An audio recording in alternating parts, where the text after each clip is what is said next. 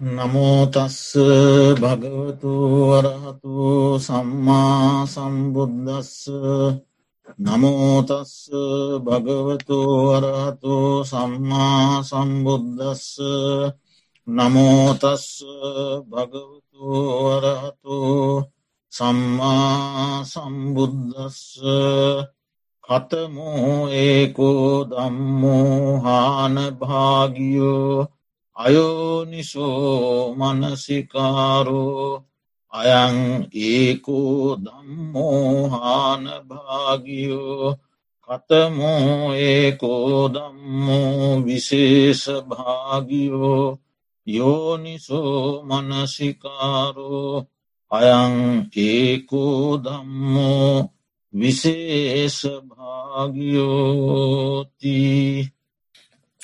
ශ්‍රද්ධාවන්ත පින්වතුනි අපි ආරම්භ කළ දසුත්තර සූත්‍රය ආශ්‍රයෙන් කෙරෙන දහම් වැඩ සටහනේ අද මාතෘකාවක් වශයෙන් කරුණු දෙකක් ඉදිරිපත් කළා.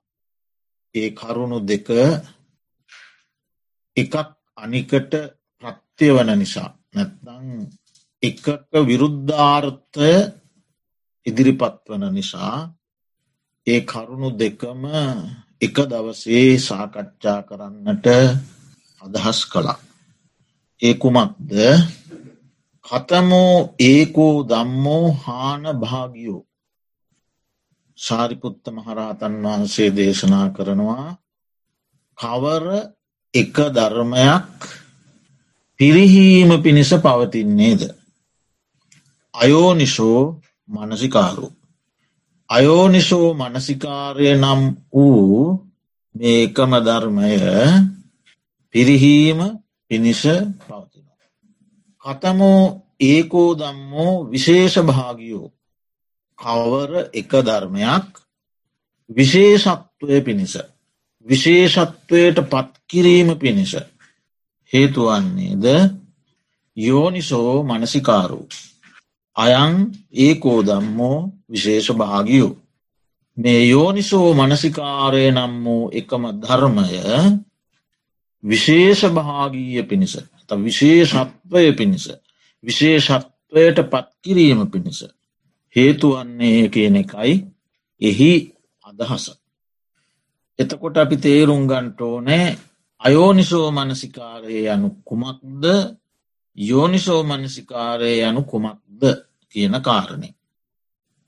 අනිත්‍යාදී ලක්ෂණයන්ගෙන් යුක්ත වූ සංස්කාරයන් රූප වේදනා සංඥා සංකාර විඤ්ඥාන ඇස කණනාසය දිව කය මනස රූප සබ්ද ගන්ධ රස ඉස්පර්ස සිතුවිලි ආදී මේ කාමරූප අරූප බවත්‍රයට අයත් සංස්කාර ධර්මයන් අනිත්‍යාදී ලක්ෂණයෙන් යුක්ත වූ ඒවා නිත්‍යයි සුකයි සුබයි සාරයි ආදී වශයෙන් යම් මනසිකාරයක් වේද ඒ අයෝ නිසෝ මනසිකාරයයි. එය ආධ්‍යාත්මික ජීවිතයේ නිර්වාණ මාර්ගයෙහි දියුණුව පිණිස පවතින්නේ නෑ. ඒ වගේම අනිත්‍යාදී ලක්ෂණයන්ගෙන් යුක්ත වූ ඒ සංස්කාර ධර්මයන් ත්‍රයිභූමික ධර්මයන් අනිත්‍යාදී වශයෙන්ම සලකනවන. එය විශේෂ භාගීයයි විශේෂත්වයට පත් කරන්න පත් කිරීමට උපකාර වන්න. එසේ මනසිකාරයෙහි යෙදෙනවනම් අනිත්‍යදේ අනිත්‍යය වශයෙන් දුක්දේ දුක් වශයෙන් අනාත්මදේ අනාත්ම වශයෙන් ඒ ආකාරයෙන් ගෙන මනසිකාරයේ යෙදීම යෝනිසෝ මනසිකාරයයි අයෝනිසෝ මනසිකාරෝ යෝනිසෝ මනසිකාරු එතකොට මේ දෙක මේ කාරණා දෙක එකක් සසර වඩනවා එකක් සසරින් එතරවීම පිණිස හේතුවෙන. එකක් දුක වඩනවා අනික නිවන වඩනවා. අයෝනිසෝ මනසිකාරය අකුසලේ වඩනවා යෝනිසෝ මනසිකාරය කුසලේ වඩනවා.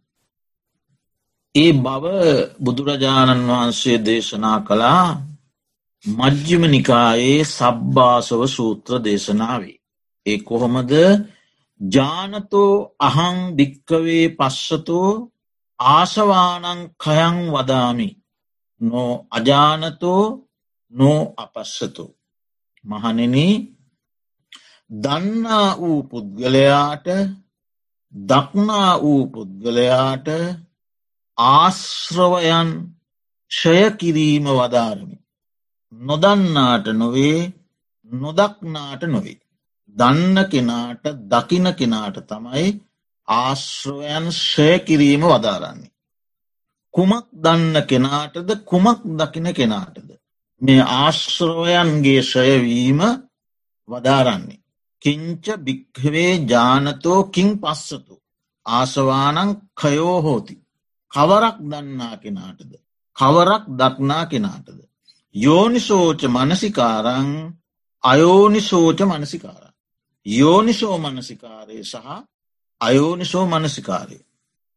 මේ යෝනිසෝ මනසිකාරයයි මේ අයෝනිසව මනසිකාරයයි කියලා යම් කෙනෙක් දන්නවනං දකිනවනං දැක අයෝනිසෝ මනසිකාරය බැහැර කොට යෝනිසෝ මනසිකාරය වඩනවනම් එයාට තමයි ආශ්‍රවයන්ගේ ශයවීම වන්නේ. එනිසා මේ ධර්මතා දෙක්ක ප්‍රධානයි. තවද අයෝනිසෝ මනසිකාරයෙන් නිසා නුවනින් තොරව මෙනෙහිකිරීම නිසා නූපන් ආශ්‍රවයන් උපදිනවා. උපන් ආශ්‍රවයන් වැඩි වැඩී යනවා. එමෙන්ම යෝනිසෝ මනසිකාරය නිසා නුවනින් මෙනෙහි කිරීම නිසා නූපන් ආශ්‍රව උපදින්නේ නෑ. උපන් ආශ්‍රව වෙතොත් ඒවා ප්‍රහාණය වන බව බුදුරජාණන් වහන්සේ සබ්භාසව සූත්‍ර දේශනාවේදී දේශනා කොට වදාලා. දැන් අපි මේ පිළිබඳව භාග්‍යවතුන් වහන්සේගේ දේශනා කීපයකට අවධානය යොමු කරමු. පළමුුව අංගුත්තර නිකායේ ඒකක නිපාතයේ විසි හතරවන පිටුවේ ආශ්‍රවයන් ගැන මෙන්න මෙහෙම දේශනාවක් තිබෙනවා.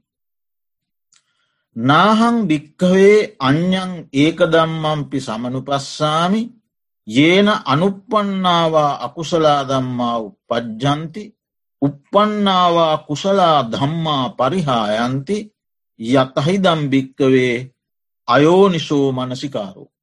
අයෝනිසෝ භික්හවේ මනසිකරෝතු අනුපපන්නා චේව අකුසලා දම්මා උපජ්ජන්ති උපපන්නාච කුසලා දම්මා පරිහායන්ති.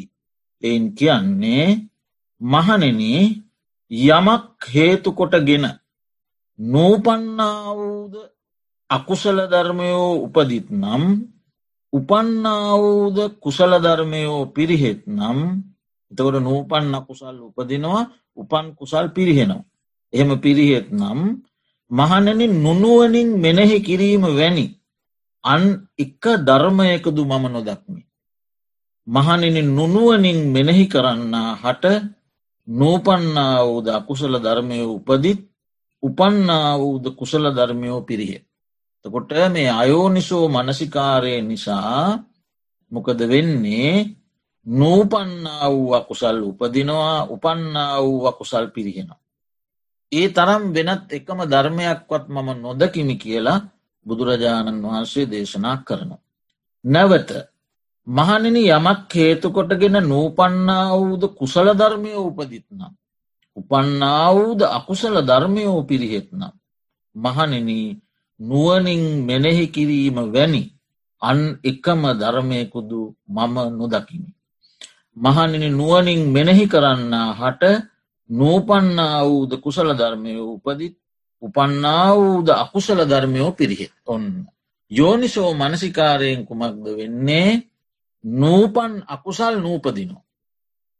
උපන් යම් අකුසලයක් උපන්නා වූ අකුසල ධර්මයන් උපන්නා වූ කුසල ධර්මයන් උපදිනවා. නූපන් කුසල ධර්මය උපදිනවා උපන්නා වූ අකුසල ධර්මයෝ පිරිහෙනවා. එතකොට නැවත අපි එක ගමු අයෝනිසෝ මනසිකාරය නිසා නූපන් අකුසල් උපදිනවා උපන් කුසල් පිරිහෙනවා. යෝනිසෝ මනසිකාරය නිසා නූපන් කුසල් උපදිනවා උපන් කුසල් පිරිහෙන. උපන් කුසල් ප්‍රහාණය වෙන. උපන් අකුසල්. යෝනිසෝ මනසිකාරයෙන් නූපන්නා වූ කුසල් උපදිනවා උපන් අකුසල් ප්‍රහාණය වෙන. අන්න ඒ විදිහට භාග්‍යවතුන් වහන්සේ දේශනාකොට වදාලා. තවදුරටත් අපි බලමු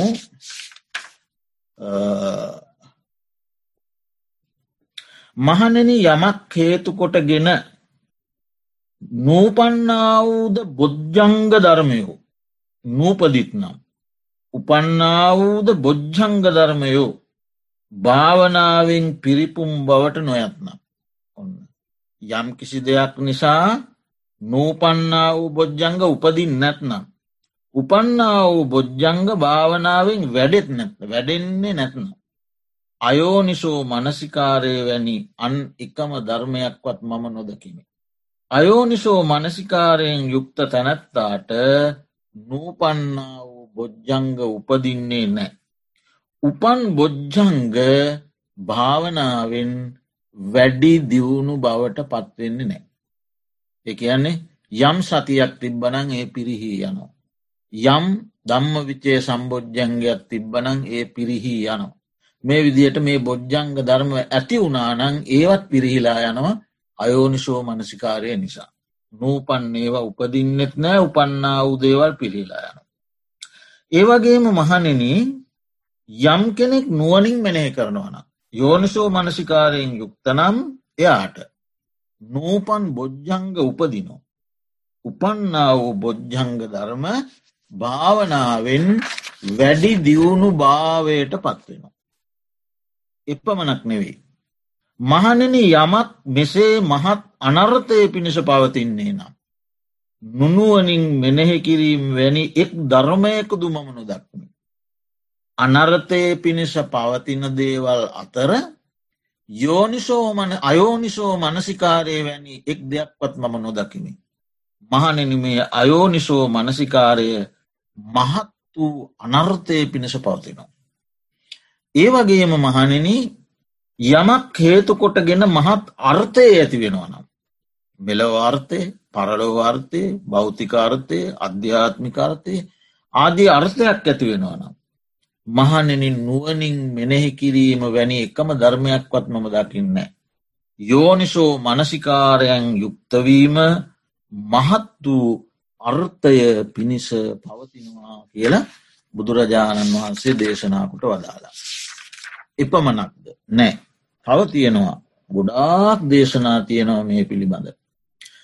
මහනින මේ සද්ධර්මයේ සද්ධර්මයෙහි පැවැත්ම පිණිස සද්ධර්මයේ පහළවීම පිණිස සද්ධර්මයේ පැවැත්ම පිණිස සද්ධර්මය මතුවීම පිණිස.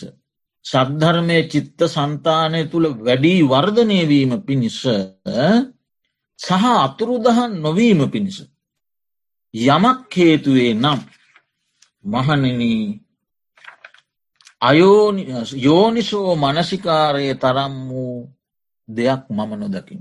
මේ යෝනිසෝ මනසිකාරය සද්ධර්මය පහලවීම පැවැත්ම පිණිස හේතුවෙන.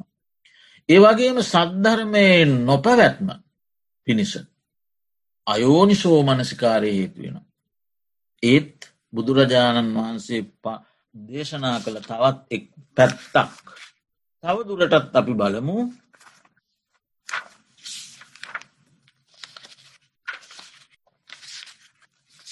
අංගුත්තර නිකායේ ඒකක නිපාතයේ හැට හතර වන පිටුවේ භාග්‍යවතුන් වහන්සේ දේශනා කරනවා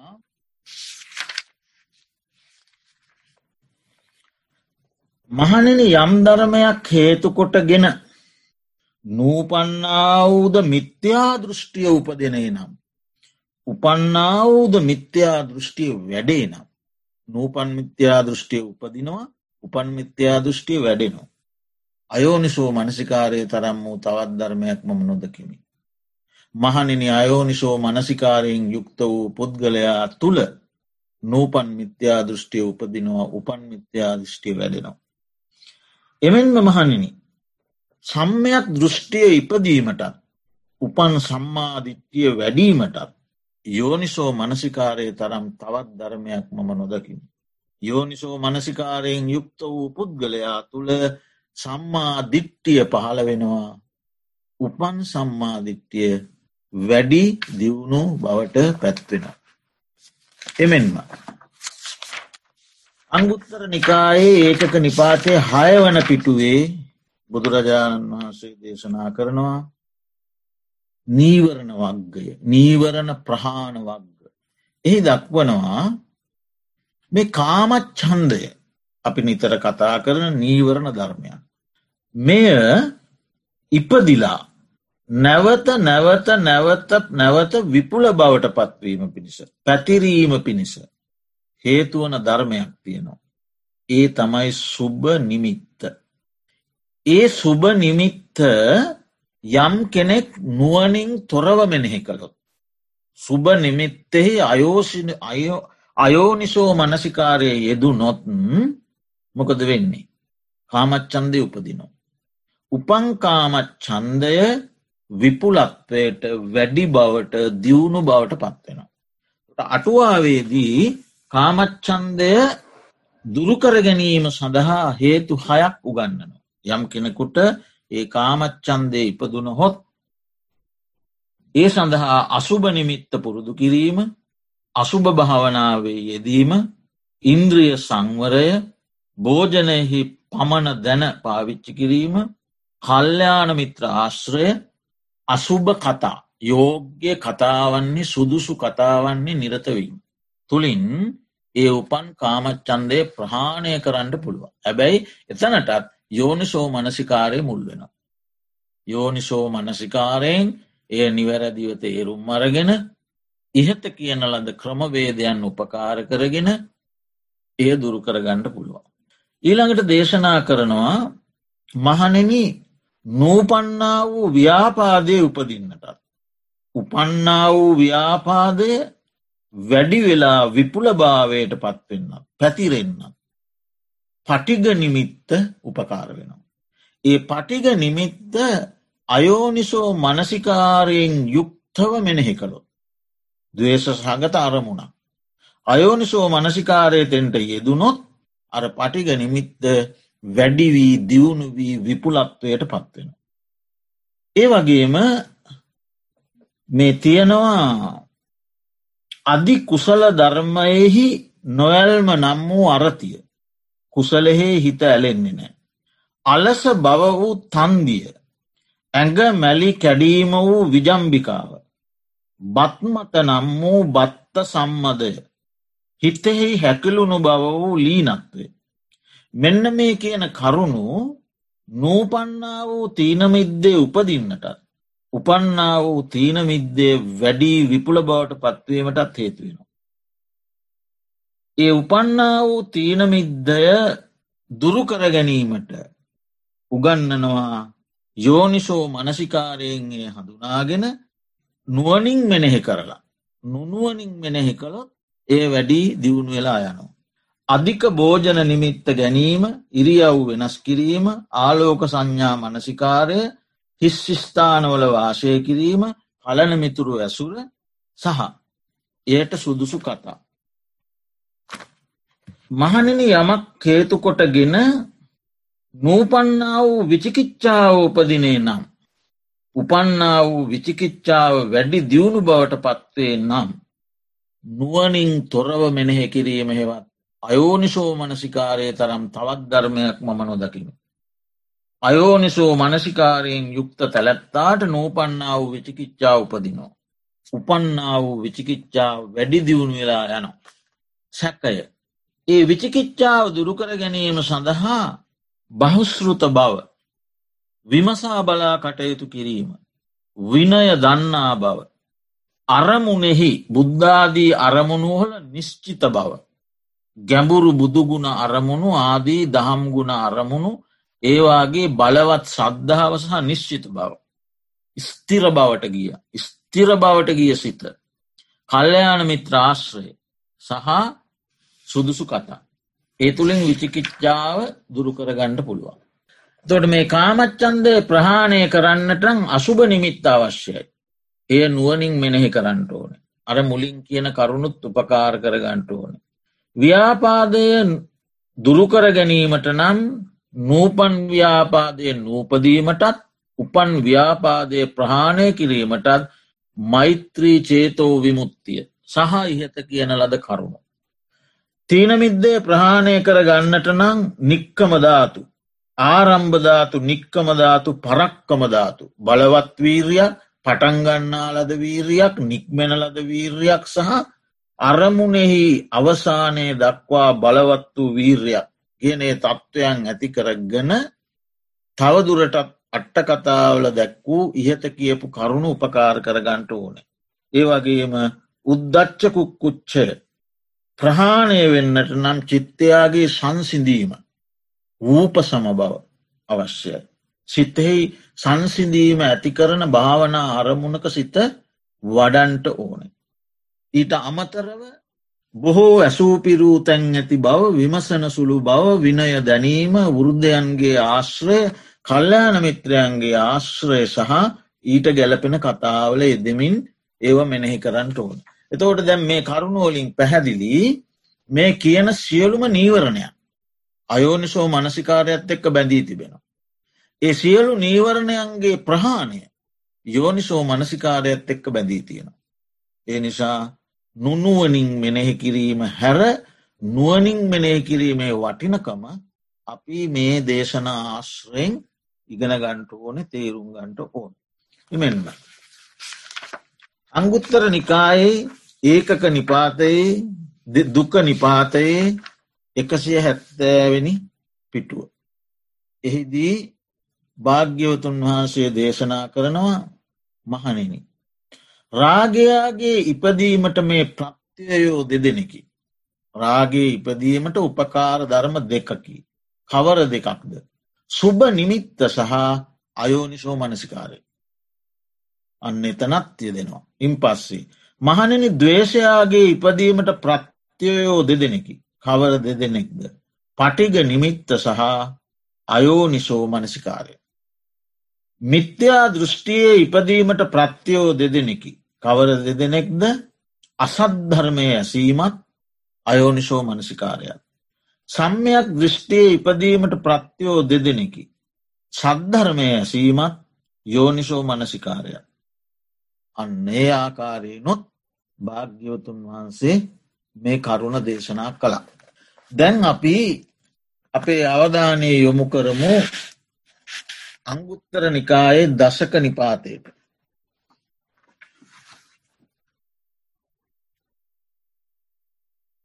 දසක නිපාතයේ අවිද්‍යා සූත්‍රය.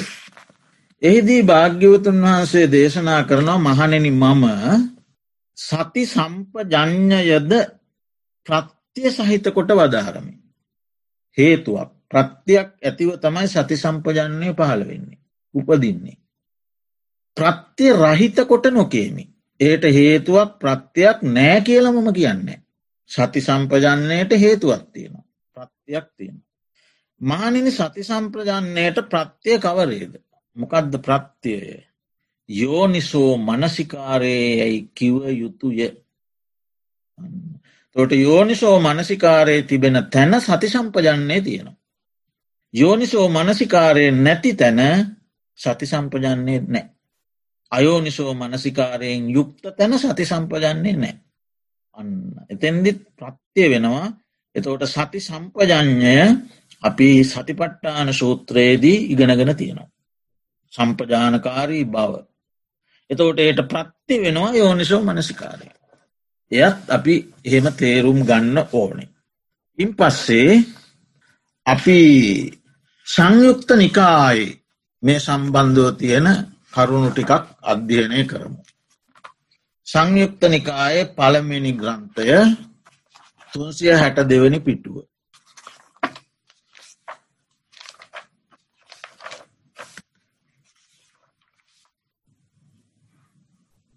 එක්කලක එක්තරා භික්‍ෂූන් වහන්සේ නමක් කොසොල් දන කොසොල් ජනපදයේ එක්තර වනලෑබක වාසය කරනවා. ස්වාමීන් වහන්සේ නමක්.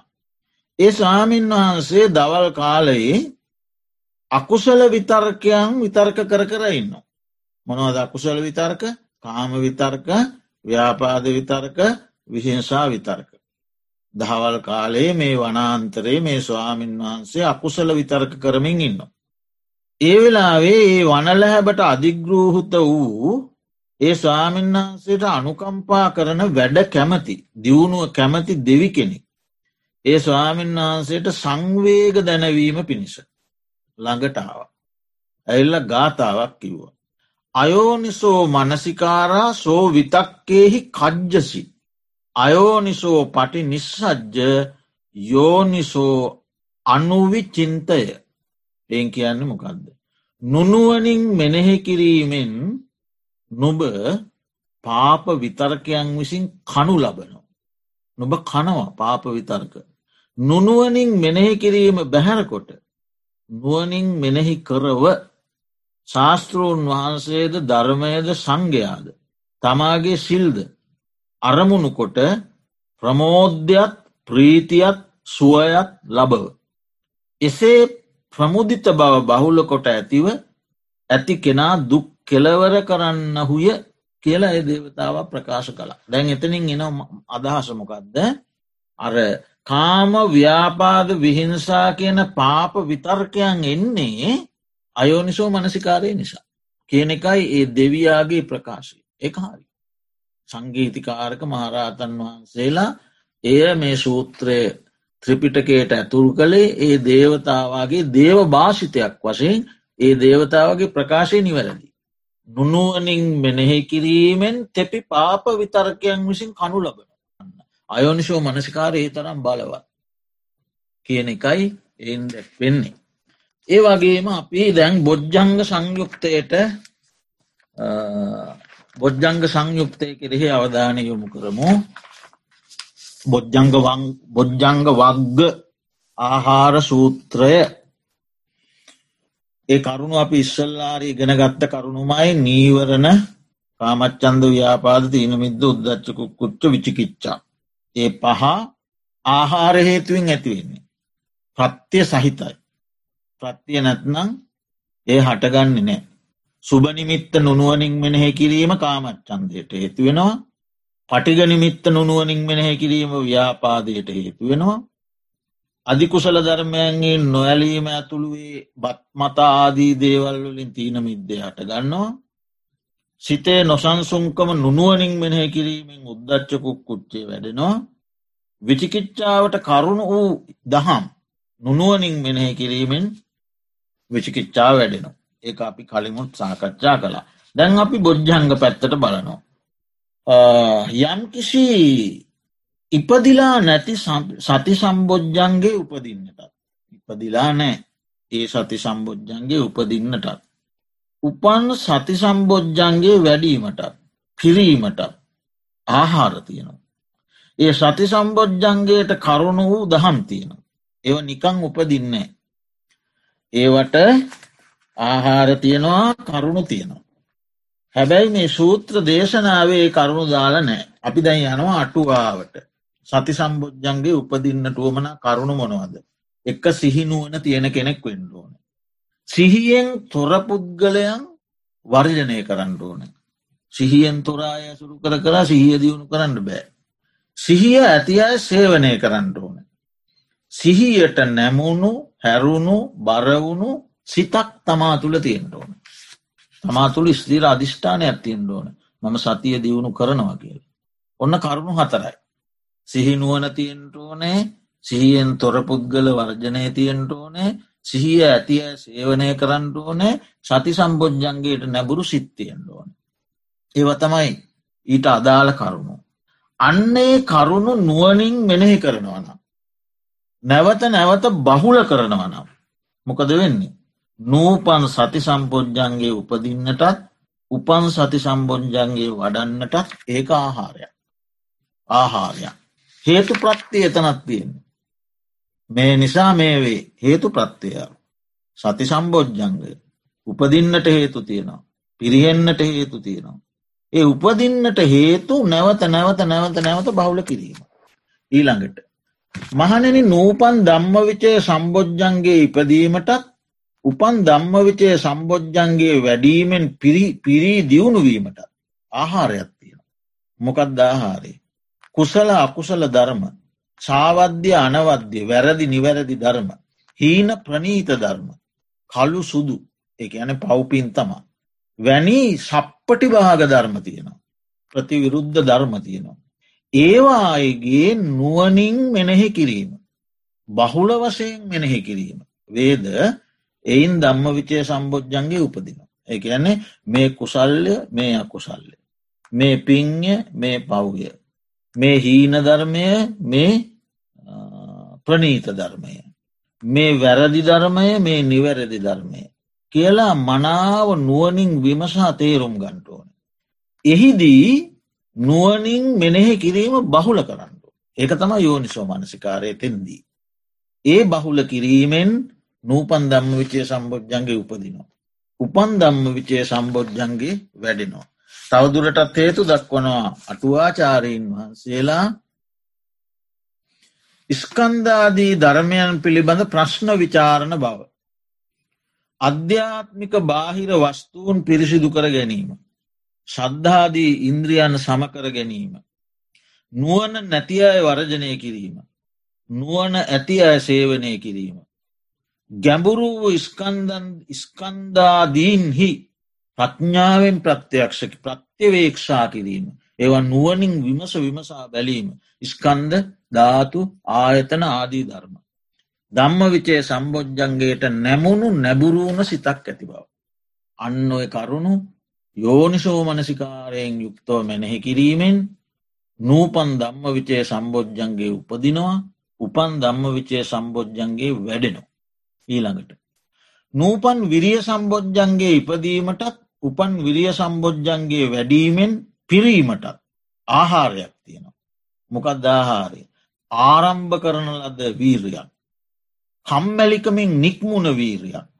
මතු මතු මතු මතු බලාපොරොත්තු පල ලබා ගැනීම පිණිස බලවත් යොදන ලද වීරයක්. අන්නේ කියන ලද වීරයන්හි නුවනින් මෙනෙහි කරන්නඩුව. මේ අලස බවයි මේ තීනයයි මෙය මිද්දයයි මේ බලවත් වීරියයි මේ නික්මුණ වීරියයි මේ අරඹන වීරියයි ආදිය මනාව තේරුම් අරගෙන නුවනින් මෙනෙහි කරන්නටුව. තවදුරටත් ඒ විරිය සම්බෝජ්ජන්ගේ ඉපදීමට උපකාර වෙන කරුණු දක්වනවා එකොළහක්. අපාය බය ගැන සිතන බව. වීරී අනුසස් දන්නා බව. බුදු පසේ බුදු මහරහතන් වහන්සේලාගේ ගමම්මග ප්‍රත්‍යවේක්ෂා කිරීම. සැදැහැතියන් විසින් දෙන භෝජනයට ගරු කිරීම. උරුමයේ මහත් බව. තමන්ගේ උරුමය මොකක්ද උරුමය. මිනිස් බව ලැබුවා. බුද්ධාදී උතුමන් වහන්සේලාගේ ශ්‍රාවකයෙක් බවට පත් වනා. ඒ විදිී තමල් ලාබපු උරුමයන්. ශාස්තෘන් වහන්සේගේ මහත් බව ප්‍රත්‍යවේක්ෂා කිරීම. ශාස්තෘන් වහන්සේගේ ඒ ශාස්තෘත්වය ලැබීම සඳහා කරන ලද කැපකිරීම් ඒ වගේම බුදුරජාණන් වහන්සේගේ උදාර ගුණ ජාතියේ මහත් බව ප්‍රත්‍යවේක්ෂා කිරීම. අපි මේ අපේ ජාතිය තමයි සාරිපුත්ත මහා මෞද්ගල්්‍යයානාදී මහරහතන් වහන්සේලාගෙන් පැවතගෙනෙන්නේ. එක්කො පිළිවෙත් පුරන්නන්ගේ මහත් බව ප්‍රත්‍යවේක්ෂා කිරීම. තමාසමගේ එකට පිළිවෙත් පුරණ අයගේ ගුණවත් බව. ගුණයෙන් ඔවුන්ගේ මහත් බව ප්‍රත්‍යවේක්ෂා කිරීම. අලසයන් දුරු කරන බව.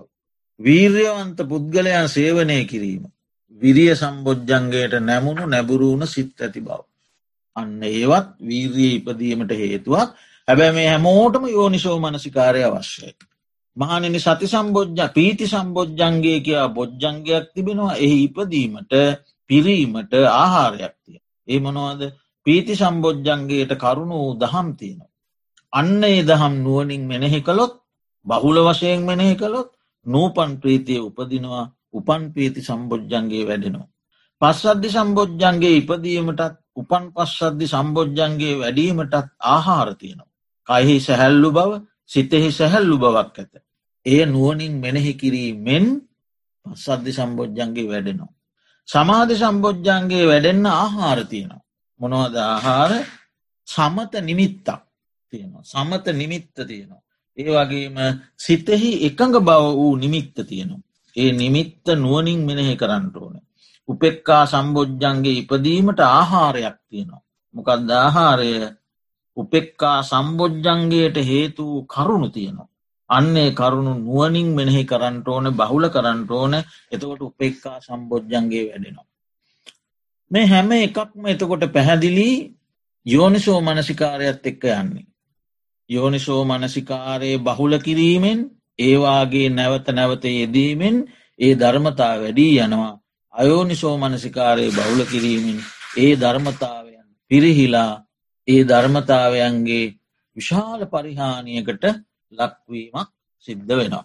තකොට මේ පින්වතුන් අපි සතිපට මීට කලින් ශප්ත විශුද්ධ සූත්‍ර දේශනාවලදී අපි මේ බොජ්ජංග ධර්මයන්ගේ වැඩීමට දියුණුවමට හේතු කරුණු සාකච්ඡා කලා පිරිහීමේ හේතු සාකච්ඡා කලා එනිසා මේ අවස්ථාවේදී වැඩි දුරටත් තව ඒ පිළිබඳව කරුණු ප්‍රකාශ කරන්න බලාපොරොත්තු වෙන්නේ නෑ. නැවත අපි යනවා.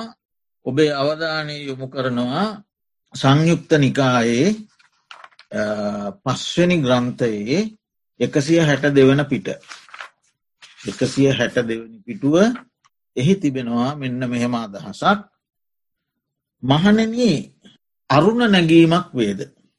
උදාවන සූර්යාට ඒ පූර්ුව නිමිත්තයි. දැන් හිරු නගින බව ප්‍රකටයි. ඒ වගේම යම් මෝන් යෝනිසෝ මනසිකාරයක් වේද? සප්ත බොජ්ජංග ඉපදීමට මේ පෙරටුයි. දැන් අපි ඉහතදි කතා කලාන සප්ත බොජ්ජංග. ඒ ගැන මේ කියන්න.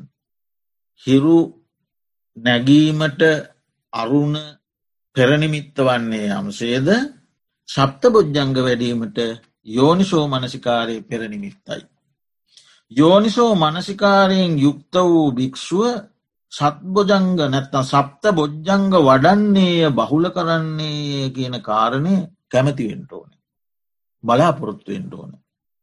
එසේ කැමතිවෙන ඒ භික්‍ෂුව විවේක නිශ්චිතව විරාග නිශ්චිතව නිරෝධ නිශ්චිතව නිවනට නැබුරු වූ සිත් ඇතුව සති සම්බෝජ්ජන්ගේ වඩන්ටුවන. කුමන භික්‍ෂුවද යෝනිසෝ මනසිකාරයෙන් යුක්ත භික්‍ෂුව. ඒ නිසා එතැන්දිත් පැහැදිලි බෝධි කියන්න චතුරාර්ය සත්‍ය අවබෝධය එතකොට අංග කියන්නේ ඒ සඳහා උපකාරවන අංග උදව්වන දේවල් ඒ හැම්ම එහෙකටමත් පෙරටුව ගමන් කරනවා යෝනිසෝ මනසි කාරය. එමෙන්ම බුදුරජාණන් වහන්සේ දේශනා කරනවා මහනිනි. මේ සප්ත බොජ්ජංගයන් ඉපදීමට ඇතුළතින් උපකාරවන අංගයක් වේනම් යෝනිසෝ මනසිකාරයයි ඒ ඇතුළතන්ගේ. යෝනිසෝ මනසිකාර සම්පන්න භික්‍ෂුව විවේක නිශ්චිතව විරාග නිශ්චිතව නිරෝධ නිශ්චිතව සති සම්බෝජ්ජන්ගේ වැඩිය යුතුයි කියන එකයි අදහස්. එතවට මේ ඇතුළතින් උපකාරවන අංග තමාගේ චිත්ත සන්තානය තුළින් දියුණු කරගත යුතු අංගය. එමෙන්ම ආර්ය අෂ්ඨාංගික මාර්ගය වඩන්නට බලාපොරොත්තු වන භික්‍ෂුව තුළත් තිබිය යුත්තේ යෝනිසෝ මනසිකාරය සූර්යයාගේ උදාවට අරුණය මුල්වෙන්නාසේ ආර්ය අෂ්ඨාංගික මාර්ගය ඉපදීමට යෝනිසෝ මනසිකාර සම්පදාව පෙරටු වෙනවා කියලා බුදුරජාණන් වහන්සේ දේශනාකොට වදාලා. එමෙන්ම එසේ යෝනිසෝ මනසිකාරය මුල් කරගත්ත භික්‍ෂුව ආර්ය අෂ්ඨාංගික මාර්ගය කෙසේද වැඩිය යුත්තේ කියලත් දේශනා කළා රාග විනය පරියෝෂානං දෝෂ විනය පරියෝෂානං මෝහ විනය පරියෝෂානං. රාගය දුරුකිරීම කෙලවර කොටගත් සිතින් දවේශය දුරුකිරීම කෙලවර කොටගත් සිතින් මෝහය දුරුකිරීම කෙලවර කරගත්ත සිතෙන් යුක්තව ආර්ය අෂ්ඨාංගික මාර්ගය වැඩිය යුතුයි කියලා භාග්‍යවතුන් වහන්සේ වදාලා. දැන් ඔබට පැහැදිලි වෙන්ඩෝනෑ යෝනිසෝ මනසිකාරය මොන්න තරම් මේ ධර්ම මාර්ගයේ පෙරටුව ගමන් කරනවා කියන එක. එමෙන්ම. බුදුරජාණන් වහන්සේ දේශනා කරනවා මහනෙන යම් කිසි දහම් කෙනෙක්. කුසල්වේද කුසල් කොටසෙහි ඇතුළත්වේද. කුසල පක්ෂයට ඇතුළත්වේද. ඒ සියල්ල එක හොන්තට මතක තබාගත යුතු කරුණක් යම් දහමක් කුසල්වේද කුසල් කොටසට ඇතුළත්වේද කුසල් පක්ෂයට ඇතුළත්වේද. ඒ සියල්ලෝ සියලු දේවල් යෝනිසෝ මනසිකාර මූලකා යෝනිසෝ මනසිකාර සමෝසරණ යෝනිසෝ මනසිකාරෝ තේ සන්දම්මානං අග්ගමක්කා ඇති අර මුලින් කියපු කුසල් කොටසට අයත් යමක් වේද? ඒ සියල්ල නුවනින් මෙනෙහෙ කිරීම මුල් කොට ඇතියහ. නුවනින් මෙනෙහෙ කිරීමේ ඇතුළත්ය. නුවනින් මෙනෙහෙ කිරීම ඒ සියලූම කුසල පක්ෂයේ දහමුන්ට අග්‍රයයි කියනු ලැබේ. එතම අග්‍ර දහම නුවනින් මෙනෙහි කිරීම අග්‍රයි මහනෙන සප්ත බොජ්ජංග වඩන්නේ බහුල කරන්නේ යන මෙය. යෝනිසෝ මනස්කාරයෙන් යුක්ත භික්ෂුව විසින් කැමති විය යුතුයි. යෝනිසෝ මනසිකාරයෙන් යුක්ත භික්ෂුව විසින් කැමති විය යුතුයි. මොකදද සප්ත බොජ්ජංග වඩන්න. කුසල් පක්ෂය වූ යම්තාක් කුසල්වේද එසිියල්ල යෝනිසෝ මනසිකාරය එක්ක බැඳී පවතිනවා එකයි එහි පැහැදිලි වෙන්න.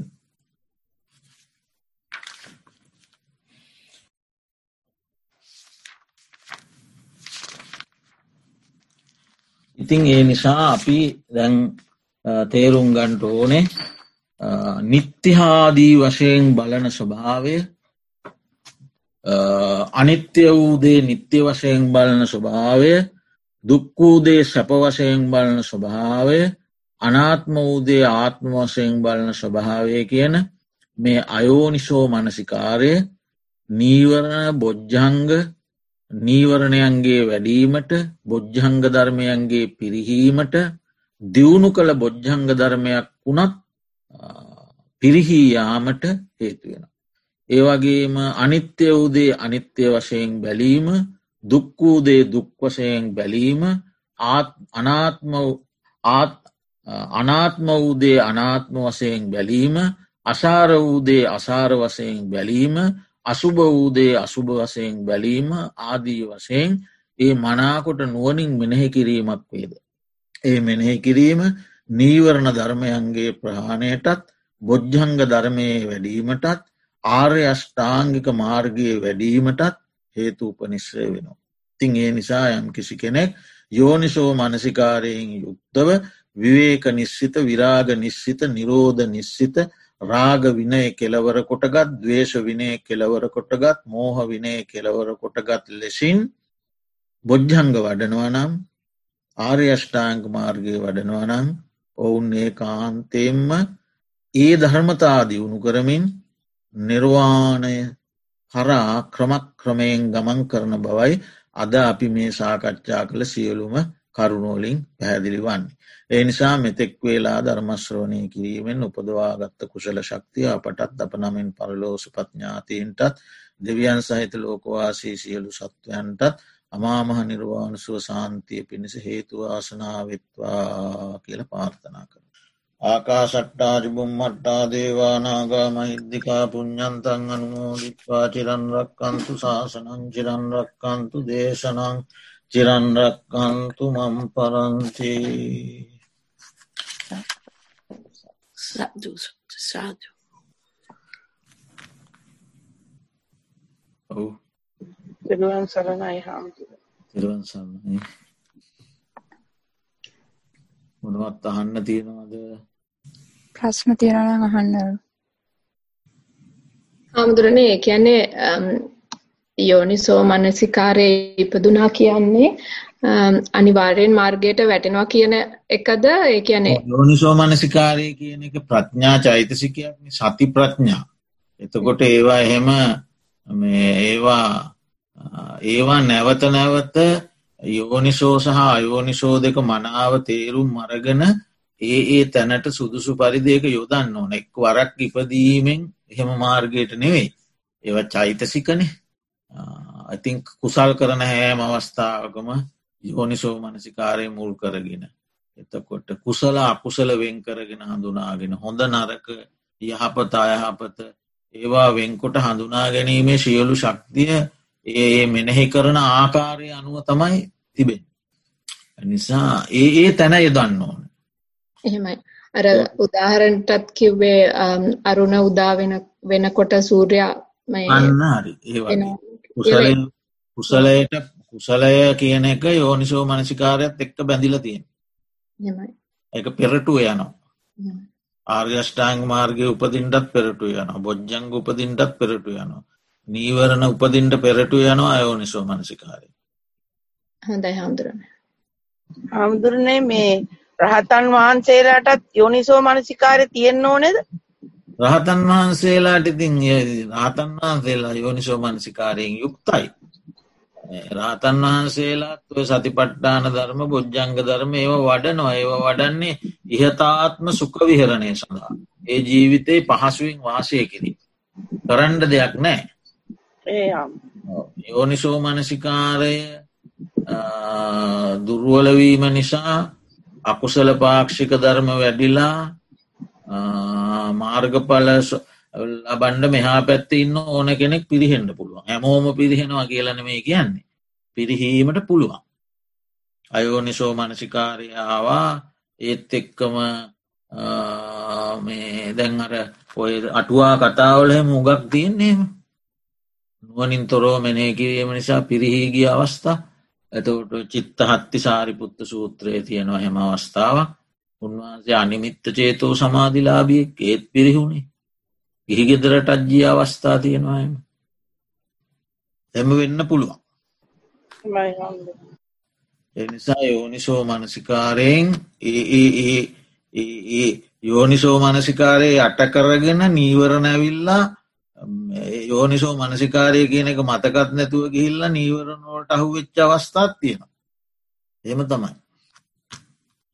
හාමුදුරනේ ඔබහන්සේ කිව්වාර උපන් කාමච්චන්දය ප්‍රහාණය කරන්න කරුණු හයක් ගැන අසුබ නිමිත්තයි අසුබ මනසිකාරය අන්නෙම ඒ කරුණු හයයි කියන්න පුළුවන් හාමුදුරනේ? අසුබ නිමිත්ත ඊළඟට අසුබ මනසිකාරය අසුබ භාවනාවේ යෙදීම ඊළඟට ඉන්ද්‍රිය සංවරය. ඉන්ද්‍රිය සංවරය. දැන් ඒවා එක. ඊළඟට භෝජනයෙහි පමණ දැනීම. විශේෂයෙන්ම ආහාරයේ පටික්කූල සංඥාවත් හොඳයි. භෝජනයේ ප්‍රමාණය දැනගන්නවා වගේම ආහාරය පටික්කූල මනසිකාරයෙන් වැලදී මේ වන සමහරු ඕව කොරන්න පුළුවන් වැඩද කියලත් අහල තියෙනවා. මෙහෙනෙමෙයි මොද තැන්වල ඊලාට කල්්‍යයාන මිත්‍ර ආශ්‍රය එකන්නේ එතන කල්්‍යයාන මිත්‍රයා කියන්නේ තමන්ට උපන්නා වූ ඒ කාමාදී ක්ලේෂයන් මැඩ පවත්වා ගැනීම සඳහා අවශ්‍ය අවවාද අනුශාසනා ලබා ගැනීමට තරම් දක්ෂ සමත් කෙනෙක්. ඊලාට යෝග්‍ය කතා කියල කියන්නේ අසුභය සම්බන්ධ කතා. ඔය ඒ ඒ වගේ තියෙන දේශනා තියෙනවාන සූත්‍ර දේශනා තේරගාතා තේරී ගාතා ඒ වගේ දේවල්. එතවට ඉන්ද්‍රිය සංවරය එතන හරි ප්‍රබලයි. ඒවා සංවර කරගෙන ඒටික තමයි කාමච්චන්දය මැඩලීමේ මාර්ග. හැබැයි හෑම භාවනාවකින්ම නිසි පරිදි සිදු වනොත් නීවරණ යටපත් වෙන බව අපි අහල තියෙනවනේ නෑම භාවනාවකින්ම සිදුවන්නේ නීවරණ යටපත්වීම. හරියට කෙරුණු. එතකොට ඒ නිසා කාමච්චන්දය අනිත් ප්‍රහාණය කාමච්චන්දය යටපත්වීම අනිත් භාවනාවලිමුත් සිදුවෙනවා. නමුත් මෙතන මේ වෙනම උගන්නන්නේ අධික ලෙස රාගනිමිත්තකට සිත නැබුරුණොත්. තමන් කරන්න වූ භාවනාවක් හෝ යටපත් වෙලා ගිහිල්ලා සුභනිමිත්තකට තමන්ගේ සිත වැටුනොත්. ඒ අධිකරාගේ පාලනය කර ගැනීමට සුභනිමිත්ත පාලනය කර ගැනීමට තමයි මේ අටුවාචාරයෙන් වහන්සේලා තමයි මේව මේ දේශනා කරලති. හොඳයි හාමුදුරුවෝ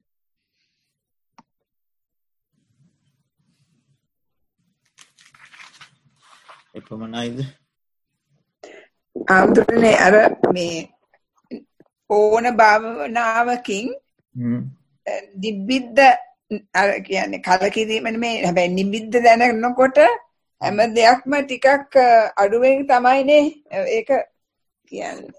ඔව් ඔව් නිබ්බිදා නිබ්බිදානු නිබ්බිදානු පස්සනා කියලා කියන්නේ කලකිරීම. කලකිරීමත් නෙමේ හැබැයි හැම දේටම නිකං ආසාාව නැතුව යනවා වගේ. ඔව් ඕ එහෙම වෙනවා. ඒ කියන්නේ ඒකට ඒ නීවරණ දැන් යටපත් වෙලා අවස්ථාව වෙනකොට කාමච්චන්දාදී නීවරණ නෙමේ මතු වෙලා තියෙන්නේ ඔබතුමේ කියන විදර්ශනා ඥාන ස්වභාවයක්. හරි. එතෙන්දී මේ ඒවා තමයි දැන් හිතේ බලවත්ව තියෙන්නේ. එනිසාර නීවරණවලට හිතේ ඉඩක් නෑ ඒව ඒවා නෑ නෙමෙයි. ඒව යටපත් වෙලා තියෙනවා. ඒවා මුළුමනින්ම නැති වෙලා නෙවෙයි ඒ නිසා එතෙන්දී හරියට මෙන්න මේක මං ඒකට උදාහරණයක් කියන්නම් බුදුරජාණන් වහන්සේගේම දේශනාවක මට මතකේ හැටියට. තුවාලයක් හැදුන මනුෂ්‍යයකුට තුවාලට බෙහෙද්දාන වෙද මහත්තයා කියනවා තෙමා ගණ්ඩපා දූවිලි වද්ද ගණ්ඩපා නිසි වෙලාවට තෙල් බෙහෙද්දාන්න එම අවවාද කරනවා. ඒ රෝගයා කිසි දෙයක් ගණන් අරගන්න නැතිව තුවාලෙට දැම් බෙහෙත් දාලන තියෙන්නේ කියලා මේ උළං වදින්ඩත් අරිනවා දූවිලි තැවරෙන්ඩත් අරිනවා සුවයි කියලා හිතාගෙන. එතකොට නමුත් එයා වැරදි වැඩක් කරන්නේ. එයා අර වෙදමහත්තයගේ අවවාද රුස්සන්නේ නැතිව එයා එයාට හිතුව පරිදි වැඩ කරන්න ගිල්ලා අපව තුවාල උඩුදුවන. ඒ වගේ විදර්ශනාවේදී හෝ සමතයේදී හෝ නීවරණය අටපත් වෙලා නීවරණයක් කොහොමත්ම මතු නොවී තියෙන තත්ත්වයනවා. ඒවාගේදී නොසලකිල්ලේ. එයින් පමණක් සෑහීමකට පත් වෙලා. ආපව් සුභාරමුණු ඒවා මෙනෙහි කරන්නේ ෑමෙන් අයත්තර යටපත් වෙලා තිබුණ තත්ත්වයන් උඩට එන්න පුළුවන්. තව එකක් කමුදේ දැම් පොඩ් ටිකකට ඉස්සල්ල කතා කරන්නේ මේ මොකක්ද මට ඒක කියන එක හරියට අමාරුයි අහන්න මේ දැන් කියාගන්න බෑනේ ඒකනේ වැඩි මේ දැන් මේ explain it in english uh, kumi will translate to say is that you were talking about how somebody can go astray right uh, uh, But if someone has reached the state of state of uh, uh, so on, then there is no such thing going to happen, no? ආමුදුරනේ දැන් මාර්ගයේ යන්නේ කෙනෙක් පිට සෝවාන් මාර්ගයෙන් සෝවාන් මාර්ගය ලබා ගත්තට පස්සේ ඉතින් පිට යන්නේ නෑ නේද හම්දුරනේ? සෝවාන් මාර්ගය ලබා ගත්තට පස්සේ ගැටලුවක් නෑ. එයා ඉතින් පිරිහෙන්නෙත් නෑ අය. එහෙම පිරිහීමක් නෑ. ඒ හාමුදුරනේ යෝනිසෝ මනසිකාරයේ වඩන්න ඕනනේ යෝනිසෝ මනසිකාරය සෝවාන් වෙච්ච කෙනෙක්. ඒක වඩරවනේ එයාගේ එක වෙනස්නේ. අරිහත්වය දක්වාම යෝනිසෝ මනසිකාරය අවශ්‍යය. ඒක ඕනේ. සෝවාන් වන කෙනෙක් පිරිහෙන් නෑනේ එයාගේ හැබැයි අනිත් මෙහා ඊට මෙහා තියෙන තත්ත්වයන් පිරිහෙන්ට පුළුවන්. හැබැයි ස්තීරෝම පිරිහෙනවා කියලනම කෙනෙක් පිරිහෙන්න්නත් පුළුවන් කෙනෙක් පිරිහෙන් නැතුව ඉන්නත් පුළුවන්. ඒක නිශ්චිතව කියන්න බෑ එහට මෙහට වේවී. හැබැයි උඩටම තමයි යන්නේනේ ඔව එයා ඉතිං යම් කිසි දෙයක් අවබෝධ කරන්න තියෙනවා. එයා එයාට අවශ්‍යයි කල්ලයන මිත්‍ර ආශ්‍රය තවදුරටත් නුවනින් මෙනෙහි කිරීම තවදුරටත් ඒවා අවශ්‍යයි. එක එක්කනාගේ මේ අනුෂය ධර්ම තියෙනවන යටපත් වූ. ඒ අනුෂය ධර්ම මතුවෙන්ඩ නොදී ඒවා දිගින් දිගට අවශ්‍ය උපදේශ ලබාගෙන ඉදිරියට යන්න ඕන. බොම ස්තුතියි